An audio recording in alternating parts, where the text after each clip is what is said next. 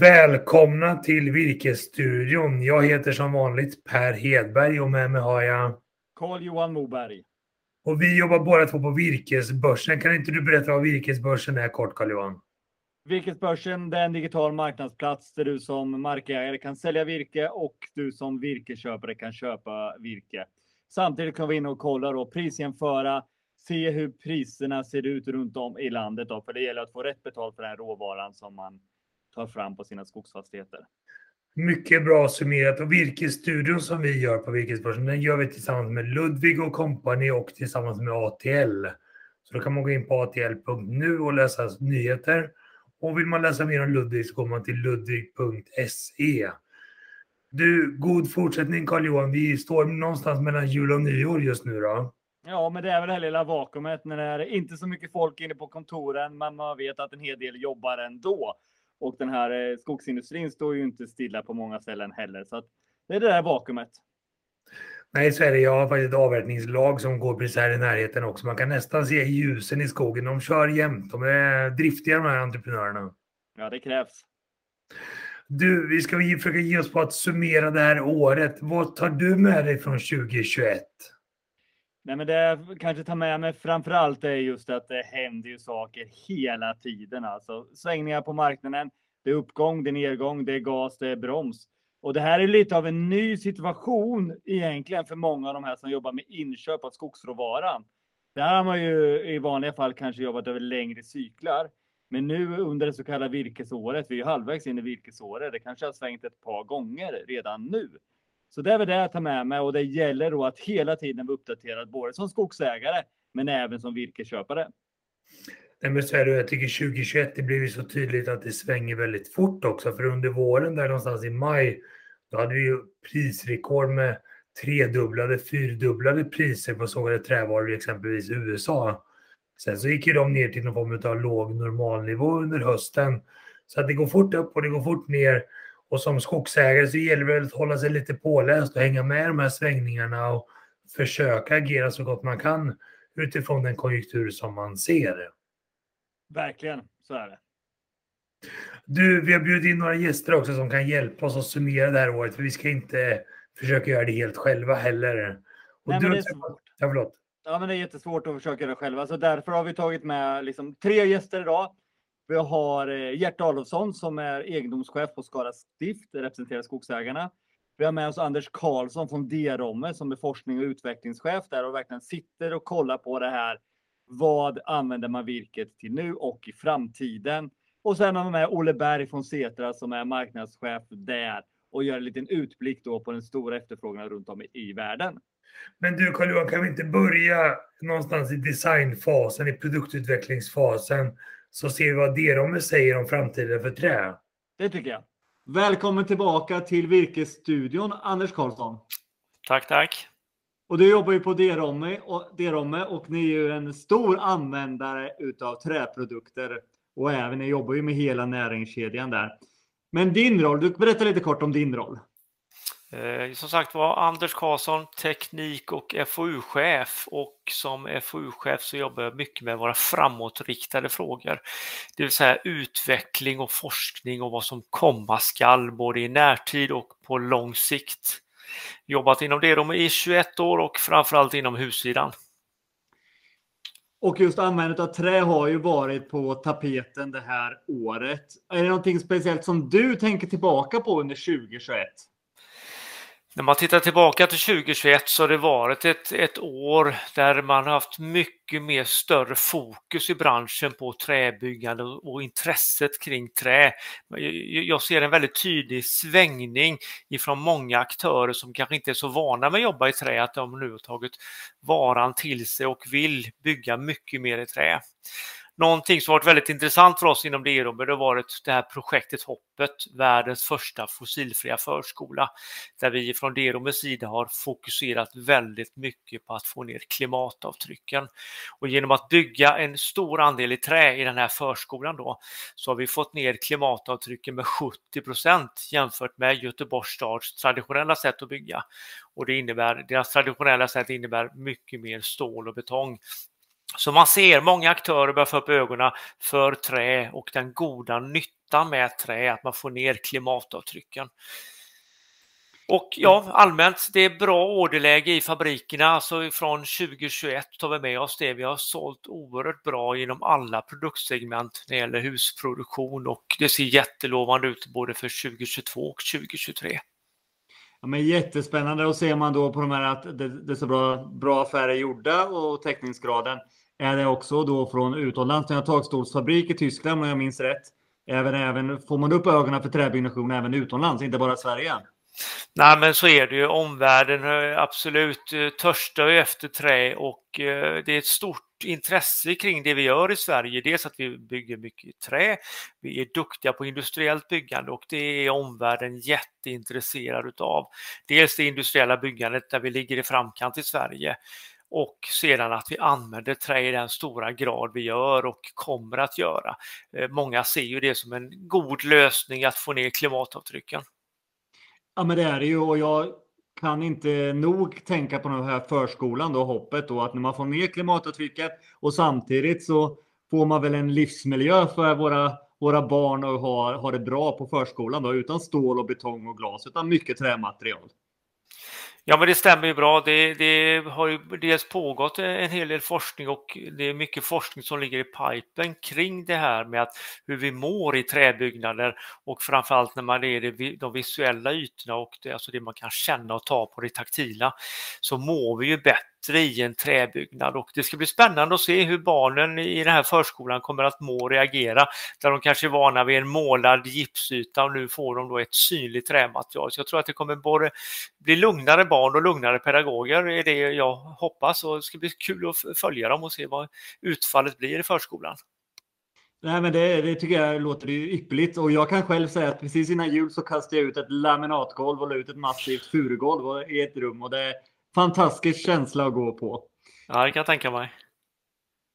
Om vi tittar framåt då, 2022. Vad är de stora grejerna som kommer hända då tror du med den här fantastiska råvaran trä vi håller på med?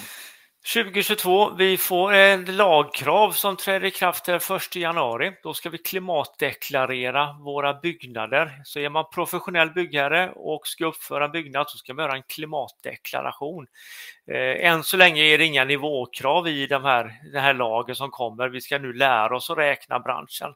Men det kommer ju bli att när vi får ut lite utdata av världen så kommer man börja mäta och som beställare eller byggare så kommer man sätta fokus på det och jag hoppas att man kommer kravsätta oss, inte bara vad det kostar ekonomiskt utan också vilka klimatavtryck har det som kommer byggas.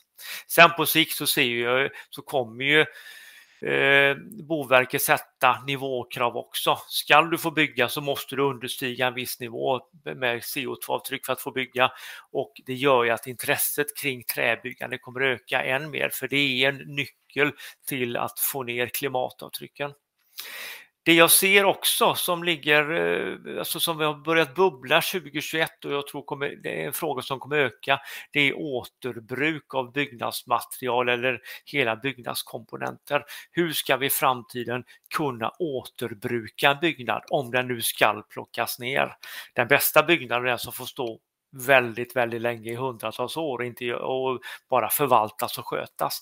Men eh, jag ser framför mig att vi kommer behöva redovisa framgent hur man kan återbruka, plocka ner en byggnad. Och då tror jag en, en byggnad som består av prefabricerade stora byggnadsdelar är någonting som är ganska lätt att plocka ner också. Vi kan det redan idag, men jag tror att det kommer eh, läggas en hel del forskning och, och arbete i de här frågorna. Hur kan vi återbruka våra byggnader? Det låter ju väldigt spännande det som kommer, vi går in i det här året. Återbruk är ju en, en, en väldigt aktuell trend, inte bara vad gäller kläder, även med hus då. Är något annat du vill skicka med våra lyssnare och tittare här till Virkesstudion att ta med sig till dem när man kanske finner lite tid i, i skogen emellan dagarna? Nej, men det är väl det att man, man, sitter liksom på ett material som har en väldigt stor framtidspotential och att eh, det är väldigt många fler och stora aktörer som, bör, som inte tidigare varit direkt intresserade av att bygga trä som nu har börjat få upp ögonen för det. Så jag kommer se, det, det kommer vara ett väldigt stort intresse och fokus att bygga i trä framgent. Det är det jag ser framför mig och vill skicka med till de som sitter på fastigheter och skog. Det är en väldigt stor potential i, i den produkten. Så är det ju verkligen och det har man ju kunnat se både när man kollar på, på fastighetspriser på utveckling här under året. Med det Anders vill vi tacka jättemycket att du var med här i Virkesstudien och ett gott nytt 2022. Ja, ja tack samma. Gott nytt år.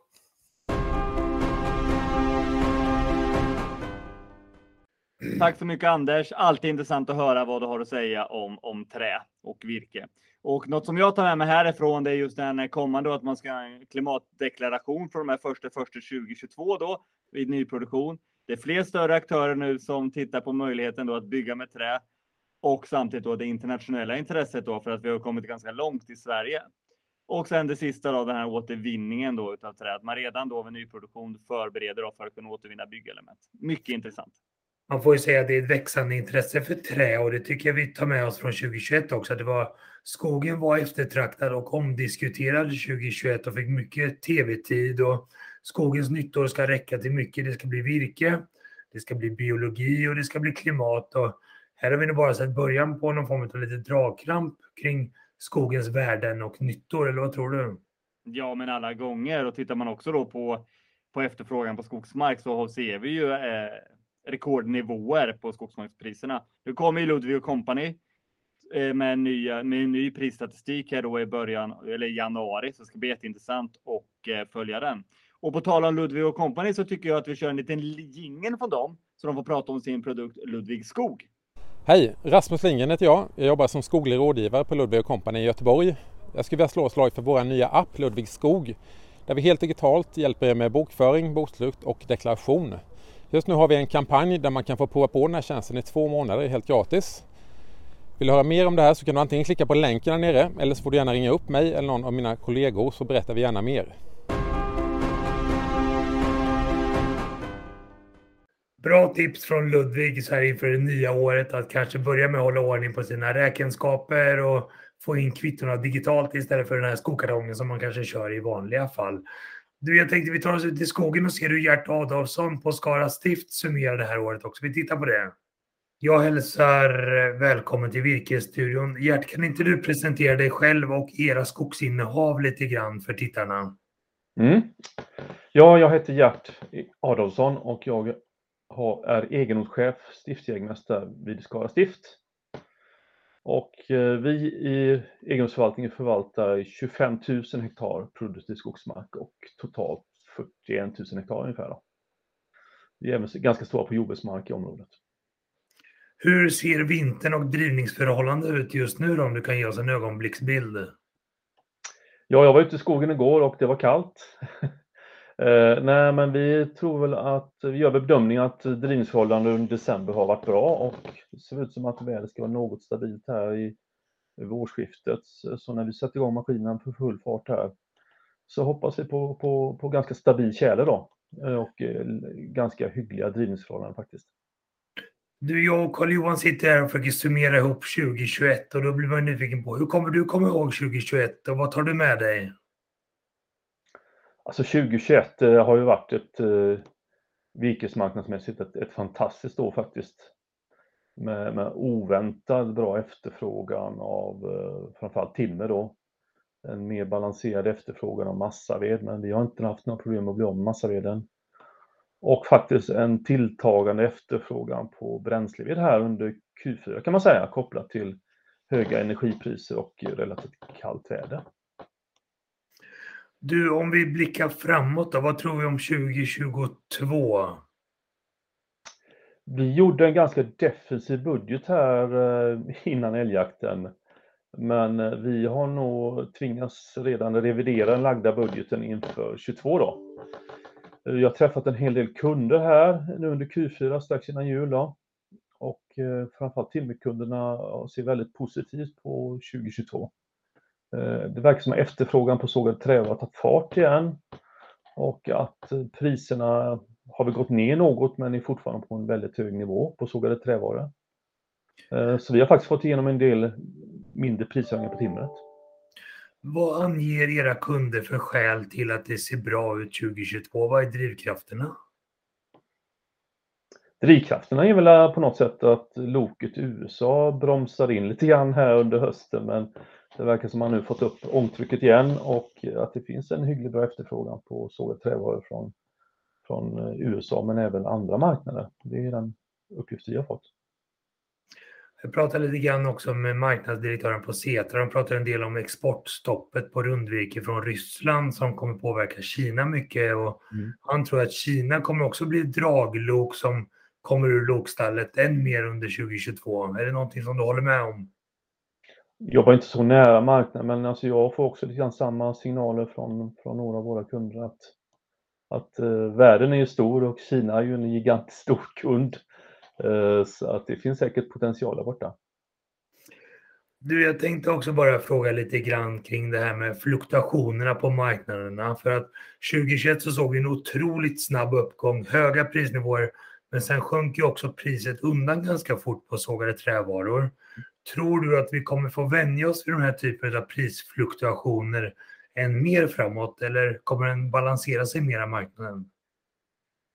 Nej, jag tror att marknaden för sågade trävaror framåt kommer vara väldigt volatil. Och eh, Både marknaden i USA och marknaden i Kina är väl i grund och botten väldigt volatil. Eh, och Det påverkar ju så att säga eh, totala marknaden ganska mycket, hur det går bra eller går dåligt på de här stora marknaderna overseas då. Om det är så att marknaden fortsätter svänga så som den har gjort 2021, att vi ser fortsatta fluktuationer, hur tycker du att man ska tänka som markägare? Nu är ni en väldigt stor markägare, men har du några tips och tricks till de lite mindre enskilda markägarna? Jag tycker att man ska försöka förstå kundens behov. Alltså försöka sätta sig in lite grann hur trävarumarknaden fungerar och och försöka omsätta det i sin egen eh, timmermarknad. Eh, sen tycker jag inte man ska lyssna för mycket på det här barkborrepratet. Det är klart, det är stora massiva barkborreangrepp i södra och mellersta Sverige, men det är ju egentligen väldigt liten del i förhållande till totala virkesomsättningen. Om man är då skogsägare väldigt, väldigt aktiv, försöker hitta barkborren snabbt, så kan man ju eh, motverka förlusten av pengar helt enkelt och få betalt för timmer så länge det är timmer. Man ska inte vara passiv, utan man ska vara aktiv för dels att hålla uppe priset och sen helt enkelt försöka minimera merskador då faktiskt. Det låter bra. Det är någonting som vi propagerar lite grann för. Det gäller att som markägare för att hänga med i de här svängningarna som ändå sker. Det är ofta svårt att pricka exakt en topp och göra jättebra affärer, men åtminstone försöka hålla sig uppdaterad kring hur marknaden svänger och hänga med i det tycker jag är ett gott tips också. Mm. Sen tittar man ju lite grann på statistiken, på lagerstatistiken både för timmer och massaved och det kan ju tyckas att det är väldiga volymer, ligger miljoner kubikmeter, men lite överslagsmässigt så är det knappt mer än tre, fyra veckors lager som ligger mellan producent av virke och konsumenterna. Och Det är inte några stora lager över höst, vinter och vår egentligen, utan det är ett omsättningslager som man egentligen måste ha för att hålla logistiken igång. Jag tror att du har helt rätt i den analysen och jag tänker också att vi har sett lite problem i logistiken över hela världen under 2021 och det kommer nog göra att man bygger mer lager framåt för att kunna serva kunder och marknader också. Så att vi har inte några jättelager. Jag håller med om den analysen och jag tror till och med att de kan gå upp lite mer än kommande året kanske. Det som jag tycker är intressant nu, det är hur energipriserna påverkar virkesmarknaden med ganska höjda, snabbt höjda priser både för pellets och skogsbränsle, både i Sverige och eh, så att säga på den nationella, internationella marknaden. Eh, och Vi ser ju även positivt på det här med klentimmersortimenten. Så att man kan säga att eh, utbudet av massaved kan ju faktiskt knapras upp lite grann, både av att det spiller över till bränsleved och att det blir mer och mer klentimmer. Det ser vi som skogsägare mycket, mycket positivt på. Upplever du redan nu med de energipriser vi har att det är så att kraft- och värmeproducenter är konkurrenskraftiga mot exempelvis massaindustri för att köpa massavedssortiment också? Jag har ju varit med ett tag, men jag vet ju eh, historiskt sett, om det varit väldigt höga energipriser så, så kan man helt enkelt skicka in massaved till, till pannorna helt enkelt på korta avstånd och de är betalningsvilliga till eh, samma nivå, om inte högre, än vad massa massaindustrin är faktiskt. Så att det finns en potential i den marknaden, absolut. Kan du säga någonting om era prioriteringar för 2022 också? Vad kommer ni fokusera lite extra på det kommande året tror du? Vi kommer investera väldigt mycket i, i föryngring av skog. Eh, vi måste klimatomställa vår skog, kostar massor med pengar. Vi håller på nu med mera tall. Vi kommer föryngra med mer än 30% tall nästa säsong. Vi investerar jättemycket i våra skogsbilvägar och vi investerar jättemycket i olika typer av kompetensutveckling, både av personal och entreprenörer, till exempel inom hyggesfritt. Eh, vi måste uppnå det här 10% som FSC har och vi håller på att ställa om nu 400-500 hektar till mer hyggesfritt. Blandar ni in mer löv eller ökar ni er lövandel av era totala arealer också? Ja, vi har sådana skötselinstruktioner så att vi ska ha mer resilienta skogar som tål både eh, stormar och förändrat klimat. Så att mer tall, mer löv, mer blandade skogar långsiktigt är målet. Men det här är ingen glödlampa man sätter på utan det tar ganska lång tid att ställa om skogsbruket till, till den här typen av bestånd som vi vill ha i framtidens klimat.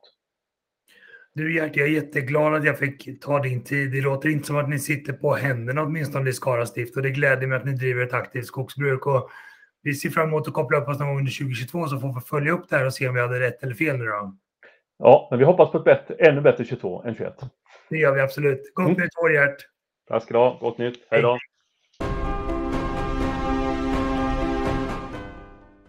Jag tycker det här är intressant som Gert säger att man ska inte fokusera för mycket på granbarkborren heller utan det är klart man ska åtgärda de skador man har.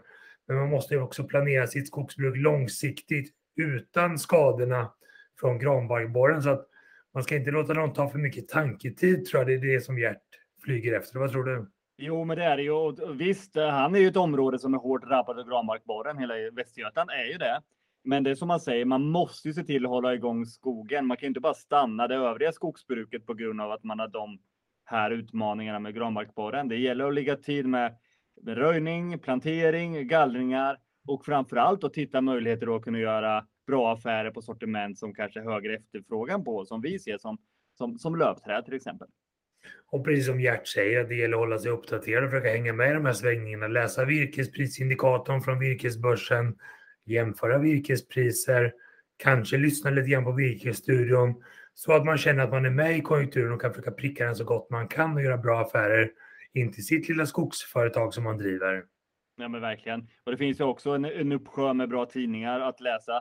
Skogseko från Skogsstyrelsen som ger en nyanserad bild på skogsbruket eh, och skogsbranschen tycker jag är jättebra att hålla koll på. Gert hoppas på ett bättre 2022 även om 2021 var ett rekordår. Vi kan väl se vad de säger på Setra om 2022 också. Det gör vi. För då hälsar vi Olle Berg välkommen till Virkesstudion. Olle, kan inte du bara kort presentera dig själv? Ja, Olle Berg heter jag och jag är ansvarig för marknad, försäljning och affärsutveckling på Setra Group då, som är ett av de större sågverksföretagen i Sverige. Och 2021, vi sitter här och blickar lite grann tillbaka i Virkesstudion. Hur kommer du komma ihåg 2021 tror du? Ja, jag tror att de flesta som har varit med 2021 och kommer vara med ett tag till framöver i den här branschen kommer komma ihåg 2021 som ett år då priserna fullkomligt gick i taket det var en eh, eh, det blev en, ett underbud i marknaden som jag tror vi inte, det har vi sett förut och vi har sett prisuppgångar men det här saknar nog motstycke. Och eh, tror jag historiskt också. De priserna mer än fördubblades på trävaror under året. I alla fall under den från januari fram till juli, augusti om man tittar tillbaka så får man ändå säga att det var en väldigt volatil marknad under 2021. Vi såg en kraftig uppgång, vi såg också en kraftig nedgång. Mm. Tror att de här volatila råvarumarknaderna kommer vara någonting som vi får vänja oss vid i framtiden också? Uh, ja, det är en bra fråga. Jag, jag, nu, den här volatiliteten som vi har sett i år, både när priserna då gick upp och de pikade någon gång i juni, juli eh, och sen föll då tillbaka och eh, på grund av det Eh, framförallt för att priserna i USA började gå tillbaka och så påverkade det hela hela världen. Men den, de stora kasten tror jag inte vi kommer att se. Däremot så tror jag att vi kommer att leva med att eh, trä är ju så pass liksom en så commodity produkt liksom, så att vi, jag tror vi kommer få leva med en volatilitet. Eh, det jag tror personligen dock som kanske har förändrats, det är det att, och om man tittar framöver, det är att trä kanske har man ser det nu när de här uppgångarna har varit och så sen när det kommer nedgång så tenderar den här nedgången att priserna på den här nedgången, eh, det bottnar inte lika djupt kan man säga. Och vad, vad beror det på tror du att vi ändå ser en högre lägsta nivå i prisbildningen? Ja, jag tror att det beror på att det är en eh, i grunden så har du en bra efterfrågan givetvis. Men sen så tror jag också då att till eh, eh, och det har vi väl även haft förut. Eh, men vi ser det att konsumtionen av trä har ökat. Produktionen ökar inte i samma takt och trä ökar också, tar andelar på, i byggnation. Trä som material. Det tror jag liksom är grund. Så då skulle man kunna läsa in att du tror ändå att vi är på lite grann en uppåtgående trend när det kommer prismässigt till trä som en förnyelsebar råvara? Ja, sen, sen kommer det ändå liksom vara upp och nedgångar. Men så, som, som råvara, om tittar man historiskt från 1980 liksom, så har ju trä knappt, eh, det, man kan inte säga att trä har varit inflationsdrivande och jämfört med andra byggmaterial så har det haft en väldigt dålig utveckling. Men det tror jag liksom att den nivån kommer att lyftas lite grann. Det tror jag. Nu ser vi också, om vi lämnar 2021 lite bakom oss och blickar framåt mot 2022, vad är dina förhoppningar och förväntningar på det här året som kommer? Ja, eh, vi ser ändå ganska positivt på 2022. Det, det, har ju varit en sättning på priserna har ju gått ner eh, ganska ordentligt kan man väl säga från piken. Men det var ingenting förvånande heller därför att eh, priserna var så pass höga så att de också, det innebär också ett problem för många, för, eh, för många kunder och även för den fördyring det innebär på, på, i byggnation och så vidare. Nu, nu, kanske, nu har de hamnat på, det är fortfarande väldigt höga nivåer historiskt sett. Eh, jag tror egentligen att eh, 2022, vi ser att det, det är ju relativt höga om man ska tro på vad som presenteras från, från, eh, eh, från banker och så vidare så ser det, det är bra BNP-siffror. Man tror på en god tillväxt. Det ser bra ut när det gäller konstruktion och även på eh, ROT och eh, eh på rotsektorn. Eh, alla marknader är i spel. Eh, vi tror på en fortsatt stark amerikansk marknad. Kina har ju varit lite sådär, men vi tror att en stor, det är några skillnader mellan 2021 och 2022. En skillnad är eh, som är, liksom talar för att det, det ändå kommer vara en stabil, det är att det har ju exporterats så mycket timmer. I Kina till exempel så har export, importen av trävaror gått ner ganska kraftigt, 5 miljoner kubikmeter, för man köpt timmer framför allt från Centraleuropa.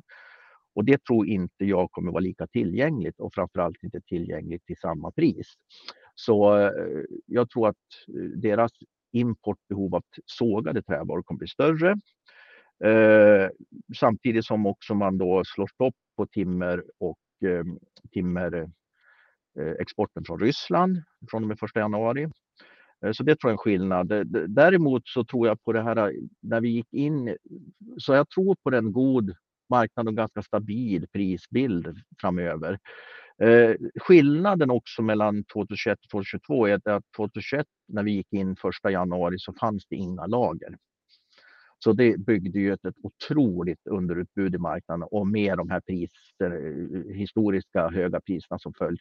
Nu har vi ett relativt högre lager som vi för med oss in i marknaden, vilket då bidrar till att jag tror att balansen är bättre, vilket gör att vi kommer inte att se samma prisutveckling 2022 som vi såg 2021.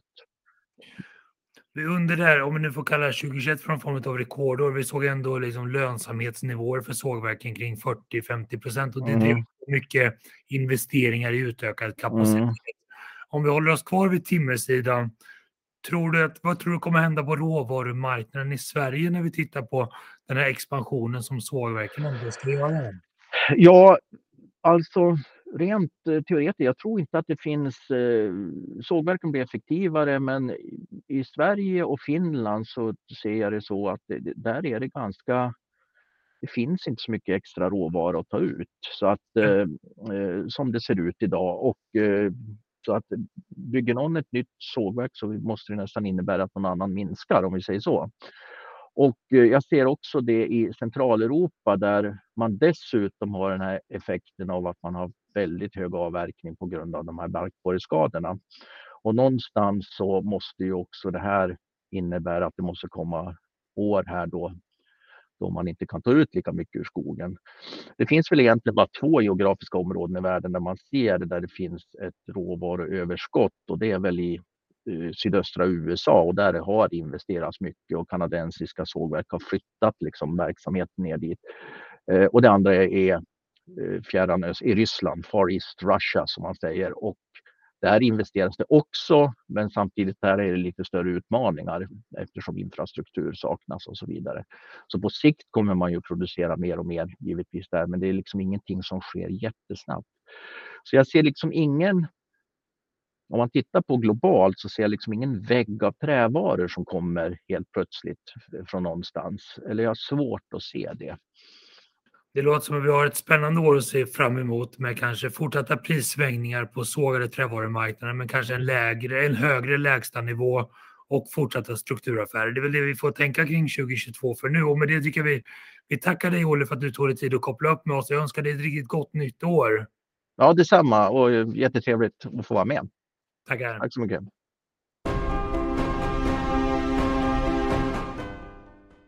Spännande och Setra är verkligen på en global marknad som påverkas av de här råvaruflödena från Ryssland till Kina, efterfrågan i USA och i eh, Kina och så vidare. Och det jag tar med mig lite grann från Olle Berg är ju att vi pratar allt mindre om England som viktig marknad för sågade trävaror. Vi pratar ännu mer om USA och vi pratar om Kina som de två giganterna i världens ekonomi. Och det tror jag de kommer bli ännu mer inflytelserika nästa år också. Ja, det tror jag alla gånger också. Men samtidigt ser vi ju att alltså England är en viktig, har varit och kommer att vara en fortsatt viktig marknad. Och det handlar om att det, är ju, det ligger väldigt nära till Sverige om man jämför med Kina och USA. Eh, och det finns en, en affärsbanden där. Men sen kan man också, så vet man ju inte riktigt vad, vad Brexit kan föra med sig här också. Så kanske också därför att USA och eh, Kina blir allt viktigare. Jag tror 2022 kommer bli ett jättespännande år på de sågade trävarumarknaderna. Det blir lite grann beroende på hur Kina och USA agerar. Vi kommer nog få se mycket mer träbyggande och de här trenderna som vi har sett början på bara. Ja, men verkligen. Det tror jag alla gånger. Och just att vi har en efterfrågan då från stora byggherrar, och fastighetsbolag nu som vill bygga mer hållbart i träd. Jag tycker också att de här höga energipriserna är på allas läppar och det kommer att driva upp priserna även på de lite sämre sortimenten som massaved och brännved och sådär från skogsägarna. Så det är också värt att hålla lite öga på tycker jag. Ja, det är självklart det och sen även då med, med priset på, på, på papper. Ja, men vi vet, jag hörde en, en person som hade beställt en bok och det var åtta veckors leveranstid på grund av pappersbrist. Eh, så att, och vi har ju sett under hösten att det, priset på tidningspapper har ju gått uppåt också, så att det behovet finns ju alla gånger. Det är som att svära i kyrkan, men böcker går ju att läsa digitalt också. Det gör det ju och det slog mig när jag, det kontoret jag har i närheten där så, så är det just en butik, en bokhandel och som är ju väldigt stora på den digitala sidan då. Men det, var väldigt lång kö nu utanför dagen innan jul. Så ska vi inte prata om böcker. Det är klart man ska läsa böcker och man får gärna läsa fysiska böcker också. Självklart. Men Per, en liten återblick för dig då. Vad tar du med dig från 2021 då? Nej, men jag tycker det är så otroligt spännande att följa de här strukturaffärerna vi ser i industrin. Nu har vi sett att Martinsson går upp i Holmen och nu lite grann så här mot slutet av året så har vi sett att ett österrikiskt sågverksföretag, Meyer Melnhof, köper Bergqvist Siljan. Så att jag tror vi kommer se fortsatta strukturaffärer i skogen. Många sågverk har tjänat mycket pengar, vill fortsätta expandera, antingen genom att investera i utökad kapacitet eller genom att köpa helt andra aktörer. Så att jag tror vi, vi kommer få se ännu mer investeringar, mer uppköp, mer försäljningar och så kommer vi nog se ännu mera utländska företag komma in och få intressen i svensk skog och i svensk skogsindustri. Det tror jag är en trend som är väldigt tydlig och som kommer fortsätta nästa år också. Mm. Och det tror jag verkligen också därför att alltså från liksom att, att skogen har varit en svensk angelägenhet om man uttrycker sig så, så är det ju inte det. Vi är en del av den globala ekonomin. Mycket utländskt ägande i svensk skogsindustri. Vi har även eh, visst äg utländskt ägande av skog. Eh, men man måste vara med vad som händer på den globala marknaden. Men så jag tror att Maja Melnhof och exempelvis Canfor som köpte Vida, de lever i en verklighet där råvaran är lite begränsad på sina hemmamarknader. Och då behöver de leta sig ut till nya skogar och så att säga komplettera produktportföljen och öka och expandera sin verksamhet. Och då är ett sätt att komma mot, blicka mot Norden. Så att jag tror att vi kommer få se ännu fler sådana typer av affärer. Ja, men det är det. Kollar vi på det österrikiska bolaget då som köpte Bergqvist Siljan där. De har ju produktionsanläggning i Ryssland eller sågverk där och det är klart när de ryska exporttullarna här det kan vara svårare för dem att ha den där. Och samtidigt då där, om man kollar på Centraleuropa eller om man säger Tyskland och de bitarna och Tjeckien där de har tagit. Jag tror de har Tjeckien också. Eh, att där har vi ju stora eh, utbrott av granbarkborren också. Så att det är klart, man måste ju titta vart man hittar virket. Och jag tror, om jag får spekulera lite grann, att vi kommer snart få se utländska investerare köpa skogsmark i Sverige också. Än så länge, och det har vi ju sett under 2021, att svenska fonder, svenska aktörer har köpt mycket skog i Sverige. Och det har drivit upp priserna också. Men jag tror också vi kommer se en inströmmande andel utländskt kapital vilja komma åt skogen som en trygg och stabil investering med en säker avkastning.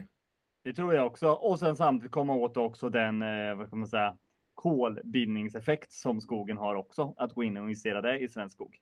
Och det tror jag kommer bli en röd tråd 2022, att vi kommer prata mycket om kolinlagring, möjligheten för skogsägare att få betalt för den kol som man då så att säga lagrar in i sin skog. Så det kommer vi nog prata mycket mer om nästa år. Ja, men det kommer vi göra. Och nu tycker jag det är verkligen dags att avrunda Virkesstudion, sista Virkesstudion för 2021. Och vi får passa på att tacka alla som har medverkat under alla de program vi har gjort det här året. Och tack Ludvig Company och ATL som vi samarbetar med det här. Stort tack och gott nytt år! Gott nytt år!